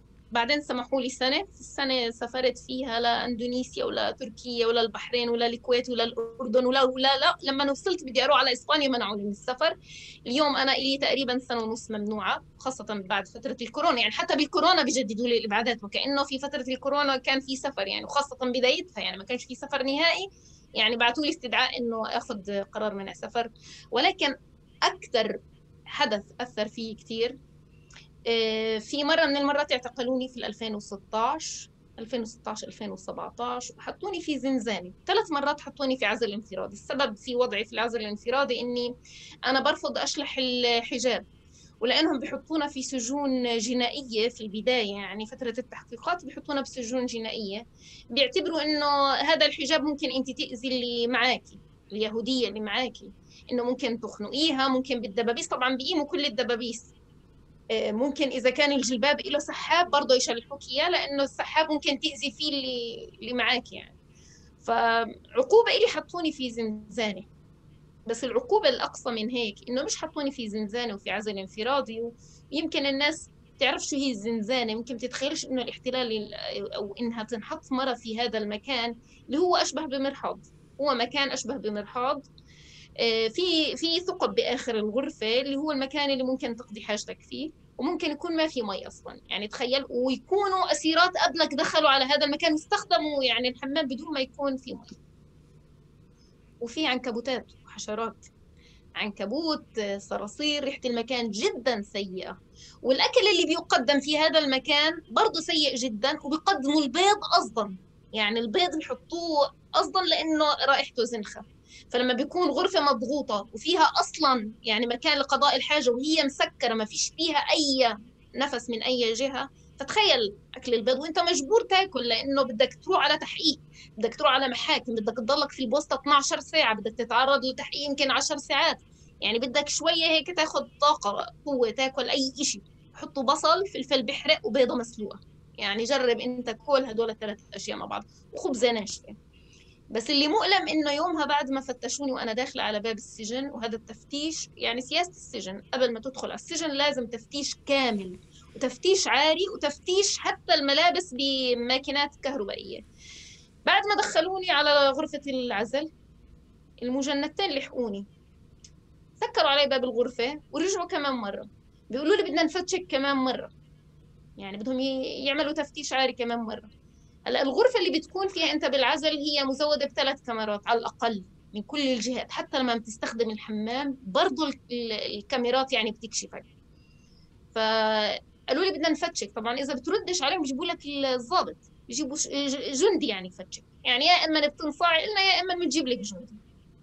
فشلحت لأنهم بدهم يفتشوني أخذوا الملابس وسكروا علي باب الغرفة. تخيل هذه اللحظات اللي عادت فيها ربع ساعة أنا بدون ملابس. عادت ربع ساعة وحتى ما في كرسي أو في مكان إنك شوي هيك تحس إنك عدد فيه هيك يعني أنت حاسس حالك مكشوف من كل الجهات بالكاميرات. مش قادر تعمل أي شيء مش قادره أبكي عشان إذا هم عم بتمسخروا علي وأنا متأكدة صوت ضحكهم كان واصل لعندي إنهم هم مكشفيني بالكاميرات. قعدت على المصطبة اللي هي المكان اللي بناموا فيه الأسيرات في هيك فرشة رفيعة كثير مبلولة. قعدت وهيك أتخيل هذا المكان قبري ولو انحطيت في هذا القبر ولو متت حسيت حالي متت. يعني كأنه ربي هيك حسسني إني رحت على عالم تاني عشان ما أفكرش كثير خلال هاي الفترة اللي أخذوا مني الأواعي فيها. وتخيلت إني أنا ميتة. لو هلأ أنا متت وربنا سألني شو عملت للمسجد الأقصى أنا شو بدي أجاوب ربنا؟ لو الرسول سألني هلأ شو عملتي عشان المسرى أنا يا رب انحطيت في هذا المكان وانحطيت في هذا الموقف وانحطيت في هاي اللحظات. ومش بس نزع عني حجابي ومش بس نزع عني ملابسي يعني انحطيت في هاي اللحظات اللي فيها امتهان للكرامة. يا رب اشهد إنه هاي اللحظات بس عشان يعني في سبيل الله في سبيل حماية هذا المكان. الله يعني الله الله الله يكون في عونكم دائما يعني حتى حتى بتعرفي هلا وأنت قاعدة بتحكي أنا يعني قصة جديدة لإلي لأنه كمان كنت أفكر إنه في خصوصية في التعاطي مع مع النساء أكثر عن عن عن تجارب الشباب. بس يعني شكرا انه إنه شاركتيني آه، آه، هذه هذه القصة. طبعا هذا الحدث مش بس معي أنا يعني ممكن كثير نساء بصير معهم أكثر من هيك. لا طبعا ولكن طبعا خوف المرأة والمجتمع من حولنا من إن نتحدث بهاي المواضيع بخلينا إن إحنا يعني نخفي كثير أشياء. طب أنا أنا بدي أحكي شغلة هلأ وقبل قبل ما ندخل على المجتمع عشان ندخل على المجتمع نشرحه بكيف بكيف تعاطى معك وكيف تعاطى معكم. خليني أبدأ من دائرتك القريبة جدا يعني ابتداء من زوجك وأخوتك وعائلتك ويعني بنعرف إحنا إنه الصبايا في بلادنا مش يعني بيقدروش يطلعوا هيك ويعملوا اللي بدهم إياه من غير ما يحموا دستور و5000 واحد يتدخل فيهم.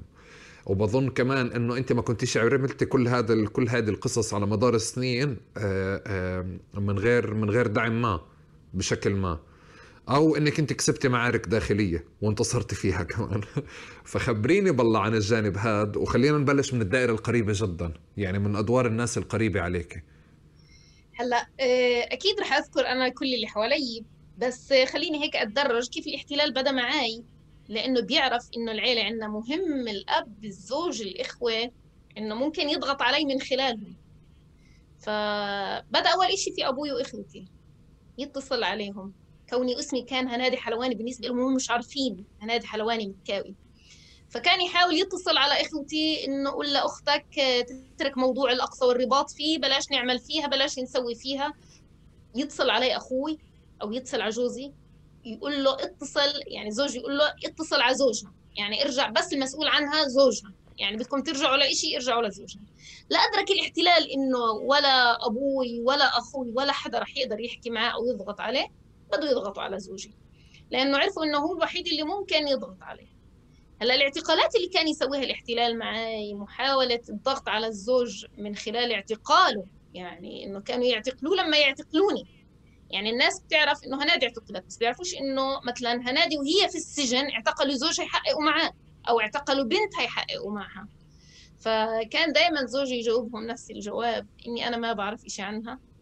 هي عمرها فوق ال 18 هي مسؤولة عن تصرفاتها.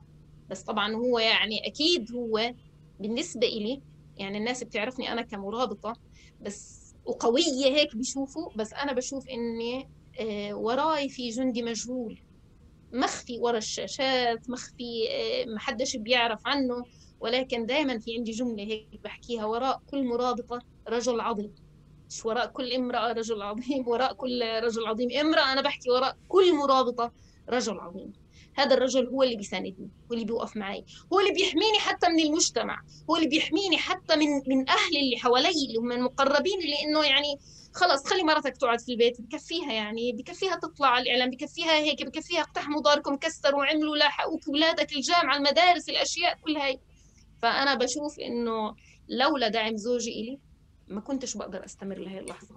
لولا وقوفه معي كمحامي يعني دفاع أول في كل المواقف حتى ضد الاحتلال لولا وقوف زوجي معي أنا ما بقدر أكمل.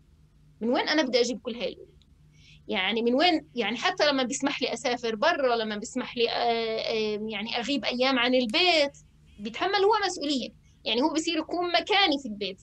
في تربية الأولاد في تدريسهم. أنا بحكي قبل من قبل عشر سنين لليوم يعني كان حمزة قديش عمره كان داخل على المدرسة يعني عمره 14 أربع سنين اليوم عمره 14 لما حتى الاء لما محمود لما أحمد. يعني والحمد لله رب العالمين يعني أولادي يعني بالجامعات وبالمدارس كمان مبدعين وشاطرين. ما شاء الله. احكي لي احكي لي على على هيك موقف انت مثمنتيه كثير ل ل لزوجك في التصدي لقصة ما. أو أو ضغوطات ما من المجتمع. والله من كثرتها يعني هي كلها بالنسبة لي بالنسبة لي أنا ثمينة جدا وأنا يعني إن شاء الله ربنا يعني يوم القيامة يدخل الجنة بلا حساب. لأنه يعني في كل موقف في كل يعني أنا لحد اللحظة في كل يوم في كل لحظة أنا بتعرض لهذه الأشياء. وفي كل لحظة وفي كل موقف هو محامي دفاع عني. فأنا من كثرة المساندة اللي إلي من منه أنا مش قادرة أذكر موقف واحد. يعني لما في موقف هنادي؟ طيب كنت كان عندك يعني كنت تحكي هذا كثير ثقيل عليه؟ فترة اللي هم من اعتقلوه بسبب أكثر من مرة أنا بحس إنه يعني بحس إني أنا تعودت على الاعتقالات أنا تعودت على التحقيقات تعودت على قساوة السجن ما بدي زوجي ينسجن زيي بسببي. ما بدي ينحط في هذا الموقف بسببي. ما بدي يقول له المحقق أنت رجل كرسي. يعني المحقق في أكثر من مرة يقول له أنت رجل كرسي في البيت. أنت مش رجال أنت مش مسلم. مش معقول في رجل مسلم هيك بيقول إنه عادي مرتي تروح. هيك بيقول إني بعرفش شيء عن مرتي هيك بيقول إنه أنا ما إليش فيها إنها هي مسؤولة عن نفسها عمرها فوق 18 سنة. يعني هذا الشيء بيألم الزوج وحتى الناس اللي حواليه. بس في مرة اللي أنا كنت مبعده فيها عن المسجد الأقصى وكنت مش فترة الإبعاد اللي كنت أوقف فيها على باب السلسلة لأنه منعونا عشان شافونا كنا بنحكي مع الأجانب ومنخليهم منخلي الإعلام يعني يجي يصور ويكشف شو عم بيعمل فينا المحتل. قررت إني أعمل وقفة على باب المجلس. وفي هذه الوقفة سربت كراتين كتبت عليهم شعارات مسموحة قانونا. واستشرت المحامي وسمح لي إني أطلع. 15 مرة معي. 15 امرأة تحمل شعارات مكتوب شعارات يعني حيادية. المسجد الأقصى للمسلمين المسجد الأقصى يستصرخ وينكم عن الأقصى. واتصلت في الإعلام في أكثر من حدا. قناة فلسطين اليوم القدس. كانوا في كثير فضائيات بغطوا الأخبار في ذاك الوقت اللي هي للأسف هي القنوات يعني في منها أغلقت. في اللحظة اللي وصلت باب المجلس واتفقت كمان مع مرشد سياحي إنه يجيب جولة سياحية عشان أحمي النسوان اللي معاي. لأنه الاحتلال ممكن يضربنا بقنابل الصوت ممكن يتعرض لنا بالضرب أو حتى يعطي يضربنا قنبلة غاز. يعني ممكن أنا برضه النساء اللي كانوا معي نساء كبار. فأنا رتبت وخططت تخطيط معين إني أكون باب حطة. ومن باب حطة أبدأ أودي أربعة أربعة باب المجلس عشان ما يشوفنيش هيك جمعة واحدة صرنا 15 يعني قبل ما نبدأ الوقفة ينهوها. فوصلنا لعند باب المجلس عددنا 15 وفي إعلام وفي أجانب. الاحتلال انجن شو بده يسوي؟ لا قادر يضربنا ولا قادر يعتدي علينا. ضلينا نكبر نكبر نكبر لحد ما آه، يعني حوطوني المخابرات لحقوني من باب المجلس. الإعلام خلص قعد ساعتين ثلاثة غطى الخبر السياح روحوا. ضل يلحقني من باب المجلس لباب العمود. وهي المسافة طويلة. يعني تخيل هم يلحقوني وأنا أركض هم يلحقوني وأنا أركض. وين المحطة اللي وقفوا فيها؟ دكانة زوجي. هربت وتخبيت في دكانة زوجي. توقعت إني ألاقي زوجي. آه الحمد لله إنه ما كانش لأنه لو شاف كيف طريقة الاعتقال كانت أنا أول مرة كنت بحس حالي إني رجال. كيف رجال؟ يعني بنضرب زي الرجال شلاليط بوكسات فوف. آه من كثرة ما هم كانوا معصبين مني لأني عملت يعني أشياء كثيره يومها. وضلهم يلحقوني ويلحقوني بأعداد كبيرة. فاعتقلوني قدام ابني وسيلفي كان زوجي طالع برا الدكان. بس في هاي اللحظة جابوا سيارات جنود اللي هم انضربوا قنابل آه، قنابل صوت في الشارع كله وكسروا للدكاكين أزازهم. فأنا تخيل إيش الموقف اللي حطيت جوزي فيه. يعني اعتقلوا مرتك وأجت مرتك وسكروا الشوارع وكسروا أزاز الدكاكين ودخلوا زي الشباب اعتقلوني وحطوني بسيارة الشرطة بطريقة مهينة جدا. يعني بتذكر ضلوا إيدي يوجعوني وإجري من كثرة البوكسات اللي ضربوني إياها. يمكن 20 يوم. هذا الموقف اللي حطيت زوجي فيه يعني هو بالنسبة إلي يعني في هيك في عندي شعورين يعني متناقضين فيه. بضحك أحيانا على هالمحتل شو عم شو كيف بيعمل مع امرأة. وبنفس الوقت بستغرب من قوتي أو شو اللي أعطاني هذه القوة في هذاك الوقت إني أعمل هيك. المجتمع كيف بتعامل معك؟ أنت في أكثر من سياق حكيت المجتمع المجتمع. ومعلش هيك اشكيلي أو اشكيلنا أكثر فعليا. يعني أنا بعرف إنه أنت لولا في حاضنة شعبية حقيقية موجودة ما كنتوا استمريتوا. يعني لو يعني لو اجتمعت الناس عليكم أو فعليا كانت رافضة الإشي يعني كان ما, ما كان ما كان وصلنا لهون. ما كان وصلنا إنك أنت فعليا قاعدة بتحكي على تجربتك وبتسافري وبتنظر لها بس اللي سمعته وهذا بطل سر هنادي يعني إنه في كثير نقاشات بتكون اجتماعية وطالعة من فكرة إنه نسائنا واخواتنا ونسواننا يعني بنزلوا برا وكذا وبتعرضوا لأشياء كثيرة. وبظن حتى من أنت كيف حكيت الاحتلال استغلها في أكثر من مكان للضغط على على المقربين منك. وبنفس الوقت في إشي اللي بفهمه كمان إنه إنه إنه البلد مليان زلام يعني لشو لشو النساء بتطلع يعني بهذا الشكل. فاحكي لي أكثر هيك أو شاركينا أكثر يعني يعني المجتمع ممكن يكون تفاصيل. المجتمع اللي حواليك ممكن يكون واحد من الأسباب المحبطة والمثبطة للاستمرار في هذا الطريق. بس إذا أنت بتلاقي سند أو يعني حدا خلص يعني تستند إليه تماما مثل ما قلت تنسى كل اللي حواليك. يعني مثلا لما بيقتحموا بيتي مثلا هذا أقل مثل أنا ساكنة مستأجرة في عمارة. الاحتلال قبل ما يوصل لبيتي بدقدق على الجيران كلهم عشان يصحيهم بنص الليل والجيران عندهم أطفال وعندهم يعني عائلاتهم عندهم كبار بالسن عندهم أطفال. طب الاحتلال لإيش بيهدف لما بيعمل هيك؟ هو عارف داري وعارف كم مرة يعني فتح باب بيتي كم مرة اقتحم بيتي. بس هو بده يخلي كل اللي حوالي ضدي بده يخلي مش بس حتى أهل بيتي ضدي هو بده يخلي كل اللي بالعمارة بحيث إنه يقولوا لك آه، أهل العمارة إنه روحي تسكنيش عنا تعبتينا زهقتينا. ولكن الحمد لله يعني قدرت أوصل للناس أنا وقدرت أوصل للمحيط اللي حوالي وقدرت حتى أوصل مش بس خارجيا يعني على مستوى العالم حتى على مستوى المجتمع الفلسطيني وحتى على مستوى مجتمع آه، أهلي بوادي الجوز سواء أهلي اللي أنا بعتبر أنا حالي بنت وادي الجوز لأني عشت وتربيت فيها وسكنت بعد ما تزوجت 18 سنة رح يصير لي 19 سنة بوادي الجوز. قدرت أحصل على على محبة الناس إلي واحترامهم للإشي اللي أنا عم بقدمه. صح إنه في البعض بثبت من اللي بتعمليه أو البعض بيقول لك يعني انت مرة ليش تعرضي حالك للخطر؟ ليش تعرضي عندك أولاد عندك صبية عندك شباب عندك أطفال عندك عيلة طب زوجك شو بيعمل؟ يعني في ناس بيحاولوا يضغطوا على زوجك حتى هو زوجك الواقف معاكي يعني إنه إنه هذا كمان أنت كيف تسكتي لها؟ يعني كيف ترضى لها إنها تضلها بهذا الطريق؟ بس بحس معية ربنا دائما يعني بتخلي الناس اللي حواليك تحترمك حتى تحترم الشيء كيف كيف شو شو أشكال الضغط اللي أنت بتفكري على مستوى اجتماعي بتتعرضي لها؟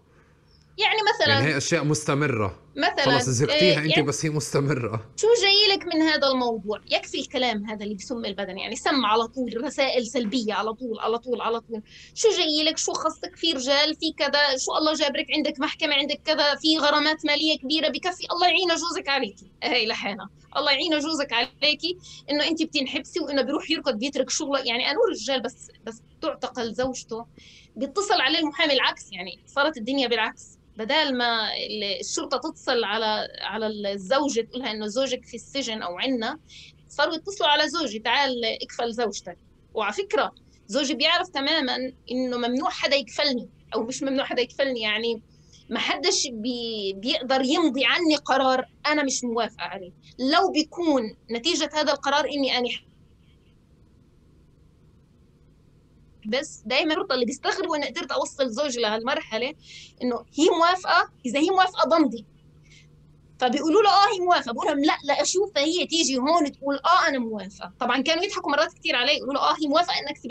إنها تنبعد عن البلدة القديمة خذ امضي عنها. آجي أنا يقولوا لي انت مبعده عن البلدة القديمة زوجك بده يمضي أقول له لا. يقول لهم زي ما بدها قرارها هي. هي اللي رح تتحمل. ينجنوا إنه كيف كيف أنت هيك. يعني أكثر من مرة أنا رحت على أساس إنه يعني بعد التحقيقات إنه رح يبعدوني مثلا عن البلده القديمه 20 يوم. لما ما يقدروش لزوجي وما يقدروليش يضطروا يلغوا الإبعاد. يضطروا يلغوا الحكم اللي بدهم أو يودوني على محكمة. ويوم المحكمة تلتغى المحكمة لأنه فيش عندهم حجة قدام القاضي أو لأنهم مش مش متوقعين إنه لهالدرجة. يعني هم كمان تربوا على فكرة.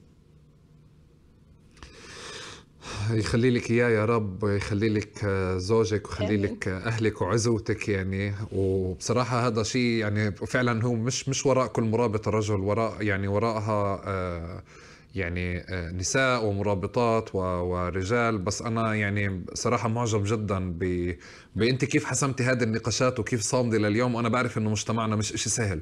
يعني أنت عم بت يعني بظن بتتواضعي بالحديث عنه. بتتواضعي بوصف الحالات اللي موجودة عندك وبقدر أفهم كمان يعني ليه بس أنا بفكر إنه حجم الضغوطات الاجتماعية يمكن تكون حتى أثرها لأنه من ناس قريبة أو من ناس محيطة لإلك. أحيانا بتزعجك أكثر من من من من قمع مبرر من الاحتلال. يعني هذا عدو بالآخر يعني هيك هيك بتصرف معي وهيك ببتزني وهيك ببتز زوجي. بس يعني بظن أحيانا من المجتمع بتكون إشي كتير أكثر أكثر جارح وأكثر قاتل. لا ممكن آه، أنا ارخي ودني كثير للناس ممكن أنا يعني أضعف إذا بدي أضعف. يعني مثلا في وحدة من المرات اللي آه، كنت في السجن فيها كان من شروط الإفراج عني إنه تكون والدتي سجانة علي مثلا. والدتي تكون سجانة وأقعد في حبس منزلي عند دار أهلي وإنه ممنوع أتواصل مع الإعلام ممنوع أتواصل مع أي حدا ممنوع أطلع من البيت في فترة آه، حبس. يعني منزلي في بيت أهلي. تخيل إنه يسووا أهلك مثلا تخيل الاحتلال كيف كمان إذا إذا اللي حواليك داعمينك كيف بيبدلوا دورهم. بصير إنه دور الأهل زي دور الاحتلال يعني امي سجنتي. ولكن يمكن يمكن أنا عندي قوة شوي. يمكن أنا آه، بستمد كمان قوتي من زوجي. يمكن عشان هيك أنا بعد كل الأشياء اللي حوالي يعني مش رح تثنينا عن هالطريق لو لو قدرت هاي الأشياء تثنينا عن هاي الطريق أنا اليوم 2021 أنا اليوم عدد اعتقالاتي صارت بالعشرات أنا اليوم عدد إبعاداتي صارت بالسنين أنا اليوم عدد منعي من السفر صار خمس سنين أنا الغرامات اللي دفعتها للاحتلال كبيرة جدا الأوقات اللي اللي قعدتها في السجن يعني بعدها الألم مثلا إنك تقدرش تمنح أولادك الأمن في بيتهم. يعني أنا في أي لحظة بيقتحموا بيتي في أي لحظة. اولادي بيتعلموا كل واحد معاه آه، أجهزة اللي بيتعلم فيها. وخاصة إحنا اليوم بفترة الإنترنت التعليم عبر الزوم ما بيقدروش يقتنوا أولادي في البيت جهاز. أنت مش قادر تمنح أولادك كل هذا الشيء ولكن بضل الزوج والسند اللي هو بسكت الكل. يخلي لك إياه يا رب وفخورين فخورين كثير في في فيك وفي خليكم لبعض هيك لازم. الناس يعرفوا إنه خلف هذه المرابطة اللي قدرت هي هي مش مرة لحالها لا هي خلفها رجل.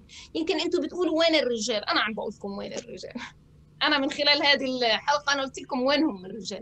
يعني الناس بتقول وين الرجال؟ وين المرابطين؟ وين المقدسيين؟ وين كذا؟ لا طيب هاي المرأة كيف مين دعمها؟ بس أنا بحكيش مين بخليها تطلع؟ مين بيساندها لما بتتحمل لما بتتألم؟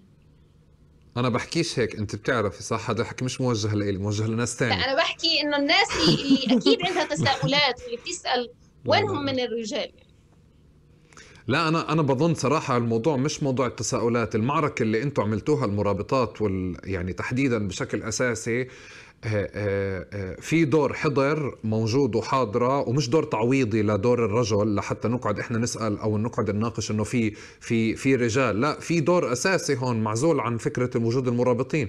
يعني المرابطين تعرضوا لاعتقالات وتعرضوا لقمع بس كان ممكن استبدال المعتقلين بمرابطين آخرين. كان ممكن زيادة عدد الباصات كان ممكن تأسيس اشياء ثاني بس كان في تنظيم حقيقي موجود بمأسس واللي من بدايته من بداية نواته لما تمأسس وحكيتي أنت على مدار سنين قصيرة صار عدده بتجاوز عدد الرجال فبالتالي المقارنة صراحة هي مقارنة بتتعلق بنقاشات اجتماعية آآ آه، آآ آه، هنادي هي أكثر مش على قضية المرابطات على قضية الستات والصبايا والنساء في بلادنا شو بتعرضوا باليوم يوم يعني وكيف بتم تشكيل ضغط عليهم من خلال أزواجهم وإخوتهم وآبائهم. آه، حسن حظك فعليا إنه أنت موجودة محاطة بدائرة يعني آه، محترمة قرارك وداعمتك في في المسار وعم تتحمل معك يعني كثير غريب المشهد اللي أنت بتحكيه فكرة إنه هو آه، زوجي ركز هو زوجي. لا لا مفهوم مفهوم. هو زوجي. لا لا. يعني أنا لما بحكي أنا بركز على زوجي الوحيد اللي بيساندني. يعني الدائرة اللي حواليه هي خاضعة بناء على مساندة زوجي وإلا لو زوجي يعني مش مساندني كان الكل ضدي. حتى الدائرة الاقرب هذا هذا شيء مهم بس أنا بدي أحكي شيء هون. يعني يمكن يمكن موضوع دور النساء هذا. عشان يأكد للنساء في كل العالم إنه آه، المرأة لها دور. لها دور كبير تقدر تعمل تحدث تغيير كبير. وكمان برضه يعني هو درس كمان للمحتل كمان اللي بيفكر إنه إذا قتل الرجال وسجن الشباب إنه النساء مش رح تقدر تعمل شيء لا إحنا ربينا الاحتلال. بالعكس إحنا دورنا اللي عملناه يعني زي ما قلت لك يعني يمكن بتشوف على الاعلام تقرأ لو بتحط قسم بس تكتب مرابطة بتشوف إيش بيطلع لك على اليوتيوب بتكتب على جوجل بتشوف إيش بيطلع لك على اليوتيوب آه، بتشوف إنه المتحدثات كمان يعني إحنا متحدثات وكمان مش بس هيك إحنا بنكمل مسيرتنا التعليمية عشان نوصل للمحافل الدولية من خلال كمان حتى تعليم يعني ما توقفنا عند حد معين ما استسلمنا عند حد معين ما اكتفينا برباطنا على الأبواب أو حتى حتى رباطنا عبر ال social media. يعني أنا. بعتبر نفسي اليوم مرابطة عبر, عبر السوشيال ميديا. مش بس من خلال المنشورات اللي بنشرها أنا اللقاءات اللي بعملها في اليوم الواحد يعني لقاءات بخلال الشهر يمكن على الأقل بكون اشتركت في 60 نشاط. تخيل 60 نشاط مع 60 دولة 60 دولة كل دولة كل واحد سمعني شو عم بشغل أنا من العالم. أنا عم بعيد جيلي. أنا مش بس عم بعمل في الأقصى أنا مش عم بشتغل مع أهل القدس بس. أنا عم بشغل العالم كله. وبدي أكد أنا على على الشيء اللي قلتيه تحديدا على الشيء الإعلامي خاصة في الوقت اللي اللي الأقصى فيه مش خبر أول، القدس فيه مش خبر أول، فلسطين كلها فيه مش خبر أول، وحتى فعليا واصل كيف حكينا في البداية واصل الأقصى والقدس واصله لمحل إنه بيتكرر فيها بعض الأخبار لدرجة إنه ممكن تلاقي الصحفيين في غرف الأخبار بيتعاملوا معه إنه خلص هذا اللي هو اليوم اليوم. يعني ما في جديد فيه. ما فيش مجال إنه نعمل تقرير عنه جديد. أنا بظن هون الدور اللي ببرز تحديدا ل... من شو شفت يعني على الإنستغرام وشو شفت على منصات التواصل الاجتماعي وشو شفت حتى المقابلات والتقارير اللي معمولة آه، آه، عن تجاربكم الشخصية وعن كمان عن عن النشاطات اللي موجودة. لأنه في جيل كمان هنادي اليوم عم بيطلع إذا ما كان في منصات مثل المنصات اللي أنت عملتيها على مستوى شخصي وعلى مستوى جماعي بس على مستوى شخصي أكثر لأنه اليوم الناس بتحب تدور على أفراد لإلها وتأخذ مؤثرين لإلها كنماذج. أنا فعليا بفكر إنه الدور اللي أنت بتعمليه كتير مهم على مستوى أفراد وعلى مستوى جماعي وعلى مستوى الأقصى. وبدي أدخل هون لسؤال شو قصة المقلوب اللي مجننة الاحتلال ومجنن غيره؟ مجننة بس سريعا لو سمحتي بأي طريقة. بس آه، مجنن الاحتلال آه، قصة المقلوبة في العام 2015 كنت لأول مرة بيبعدوني عن المسجد الأقصى في شهر رمضان. يعني أنا كنت أبعد عن المسجد الأقصى من 2012 وبعدت 13 14 بس 15 في منتصف رمضان أبعدوني عن المسجد الأقصى وما كنتش أبدا متخيلة إنهم يبعدوني. وكنت واعدة أولادي يعني إني أعمل لهم مقلوبة ورق دوائي ف وكنت برابط على باب السلسلة بالفترات اللي كانوا يبعدوني فيها.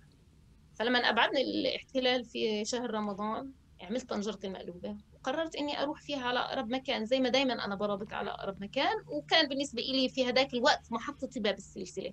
اليوم أنا محطة طريق المجاهدين على فكرة عشان اللي بيشوفوني اللي بيتابعوني كمان على الإنستغرام حفظوا طريق الجنة وطريق المجاهدين من كثرة ما بصور لهم إياه. وأنا معنية كثير إني أحفظ الناس الطرق اللي يدخلوا فيها عشان يوم الفتح يعرفوا من وين يدخلوا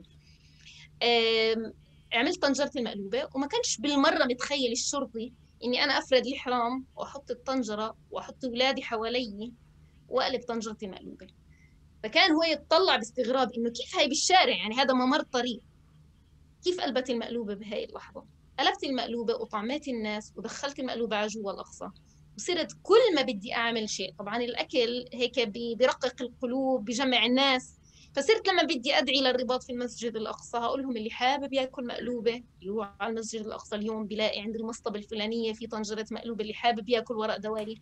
فكان من أسباب أو إحدى مرات الاعتقال يعني أسباب الاعتقال هي طنجرة المقلوبة والورق الدوالي بحيث إنه المحقق يعني ورجاني صورة المقلوبة ورجاني صورة طنجرة المقلوبة.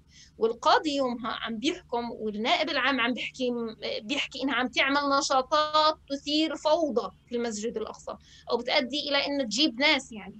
فبحكي له المحامي فهمني شو التنظيم اللي هي تبعت له وفهمني شو نشاطات تنظيمها. يعني قال له مثلا بنقول إيه، الجهة الفلانية بتعمل هيك. بتعمل عمليات مثلا إرهابية زي ما أنتم بتدعوا. طب هاي شو بتعمل؟ قال له بتعمل مقلوبة ورق دوائري. يعني مسخرة. إنك قاعد في في غرفة محاكمة وبقول له قال له طب إيش يعني ورق الدوالي أكل؟ بيحكي له القاضي عرف لي شو هي فهموني يعني. بقول للنائب العام فهمني شو هي هاي المقلوبة والورق الدوالي قال له المحامي طبيخ أكل. بقول له لا هي بتهدف من وراء هذا الطبيخ إنها تعمل فوضى. فصارت المقلوبة بالنسبة لنا يعني طبخة مش نعمل فيها فوضى زي ما بيحكي الاحتلال ولكن طبخة بتجمع الناس على الرباط. وفي كل موقف وقت ما صارت مثلا موضوع باب العمود وقصة أو قرار ترامب. إنها تكون القدس عاصمة إسرائيل عملت طنجرة ورق دوالي ومقلوبة على باب العمود. وقت البوابات الإلكترونية لما دخلت على الأقصى لما خرجت طالباتي اللي تعلموا في مشروع مصاطب العلم. وأنا ما حكيتش هاي النقطه يعني يمكن الناس شافت إن إحنا بس مرابطات وعم نتصدى للمقتحمين وما إلى ذلك. بس في جانب ثاني مهم كثير إنه من خلال هذا المشروع قدروا الطالبات اللي كانوا في هذا المشروع على الرغم من كل التضييقات اللي كانوا بيواجهوها إنهم يحصلوا على درجة البيئة من خلال مصاطب العلم.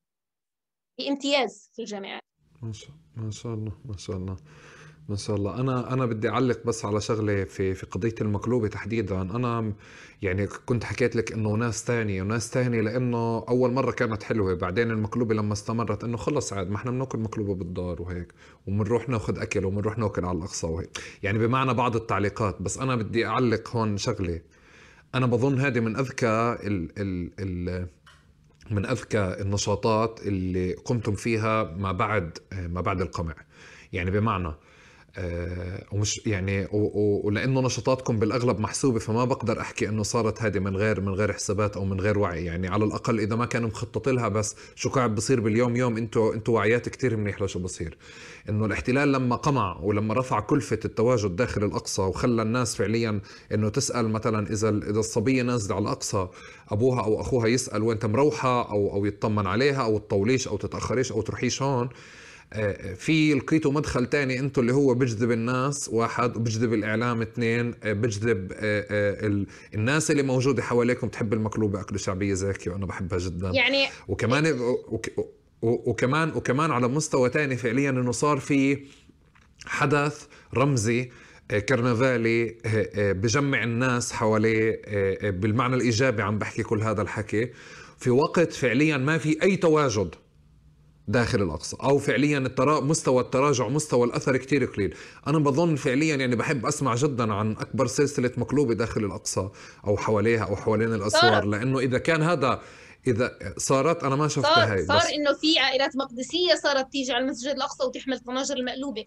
ولو ما كانش أثر لهي الطنجرة أو لهي الطبخة أو للهدف من رمزية هذه هذه الطبخة كان الاحتلال اليوم بمنعش طنجرة المقلوبة تدخل طبعا طبعا طبعا طبعا هو هو هذا القصد إنه أنت لقيتي مدخل جديد لتجميع الناس حواليه واللي هو مع وما في كلفة. يعني الاحتلال بده ياخذ صور على بده يحقق معك على صور المقلوبة. وبده يحقق معك يعني شو حاطة فيها وكذا بس يعني بعدين يعني مش لا مش رح يقدر يعني. سبب. المقلوبة بقول لك لما تيجي تدخل اليوم طنجرة أكل على الأقصى بيقول لك افتح الطنجرة نتأكد مقلوبة ولا إشي تاني. إذا إشي تاني بندخلها مقلوبة ممنوع. لأن مقلوبة معناها في ناس رح تدخل ترابط. معناها في حشود رح تدخل عشان تاكل هاي المقلوبة. ه- ه- هذا القصد تحولت لرمزية فعليا جديدة. الاحتلال صعب عليه يحاكم الناس عليها أو ما في كلف لإلها. يعني آه، آه، حتى اللحظة خليني أحكي بس أنت كيف حكيتي في مقابلات تانية؟ ممكن آه، ممكن كمان هذه تنحط إنه في واحد قالب مقلوبة أو عامل أو عامل قصة أو أو مسويها بطريقة ما. طب أنا بدي أسأل آخر سؤال هنادي. المقلوبة اللي اللي اللي, اللي بيعملوها المرابطات اللي بيثيروا المشاكل بين قوسين في في داخل الأقصى وحوالين الأقصى آه، ومجنن المحققين والنائب العام. وصراحة كتير مضح مشهد مضحك إنه أنتم بتم أخذكم على صور مقلوبة. يعني بالعادة في واحد رمى حجار وفي واحد ببيته ام 16 وفي صورة لهنادي وهي بتقلب المقلوبة. هاي المقلوبة اللي مجنن الدنيا بشو بتعمليها وكيف تعمليها؟